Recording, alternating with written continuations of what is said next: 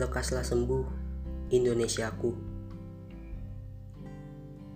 Sebelum masuk inti pembahasan, izinkan saya mengucapkan terima kasih untuk para tim medis, baik itu dokter dan juga perawat yang masih berjuang hingga hari ini. Pesan dari kita, tetaplah semangat, sembuhkanlah negeri ini. Kau adalah pahlawan. Semoga Tuhan membalas kebaikanmu. Wabah virus corona terus merajalela. Yang terinfeksi terus bertambah. Jumlah kematian pun juga. Apakah Indonesia perlu mengambil kebijakan lockdown? Berbagai daerah telah mengambil kebijakan lockdown. Semisalnya kota Tegal.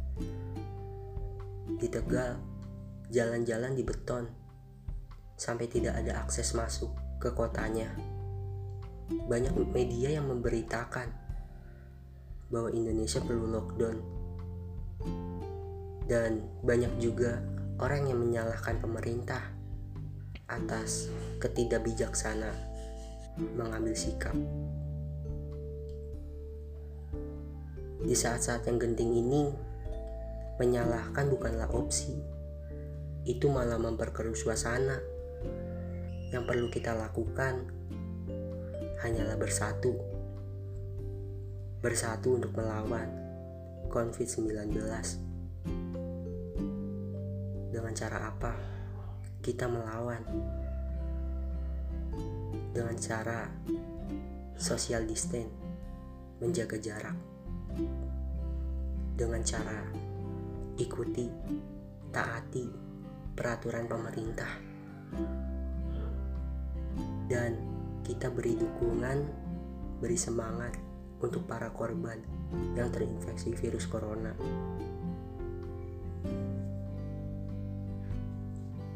Di saat-saat yang genting ini, mari kita menjaga kesehatan dan pikiran, menenangkan diri demi kebaikan di tempat yang biasa kita singgah, rumah.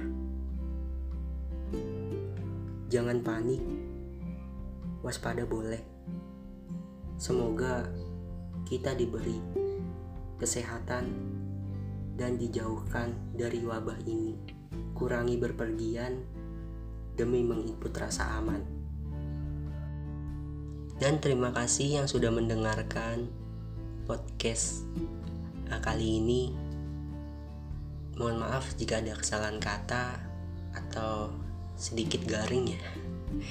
Saya mohon maaf banget. Saya jujur saya bosan sekali di rumah.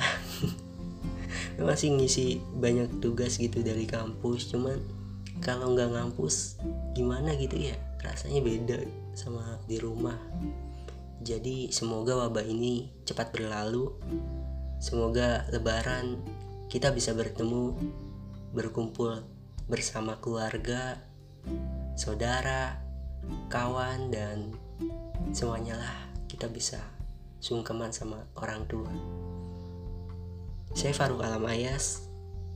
Sampai berjumpa lagi di podcast selanjutnya. Wassalamualaikum. Bye.